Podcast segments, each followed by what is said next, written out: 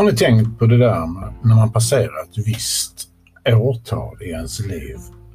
Hur mycket man tänker att det där borde jag ha gjort och det där borde jag inte gjort och varför gjorde jag inte det?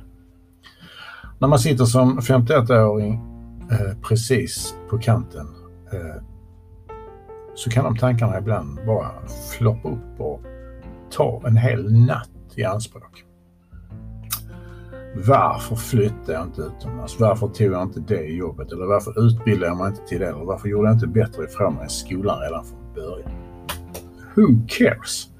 När man sitter som 51 eh, precis på kanten och levt halva livet och liksom nu ska blicka framåt det grånade hårstrånas underbara skymningstid. Då flippar man ut. Lite grann i alla fall.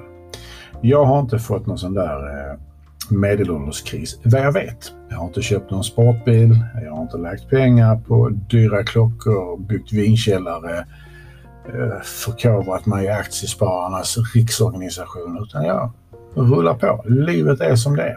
Dag för dag. Gå och lägga sig, gå upp på morgonen.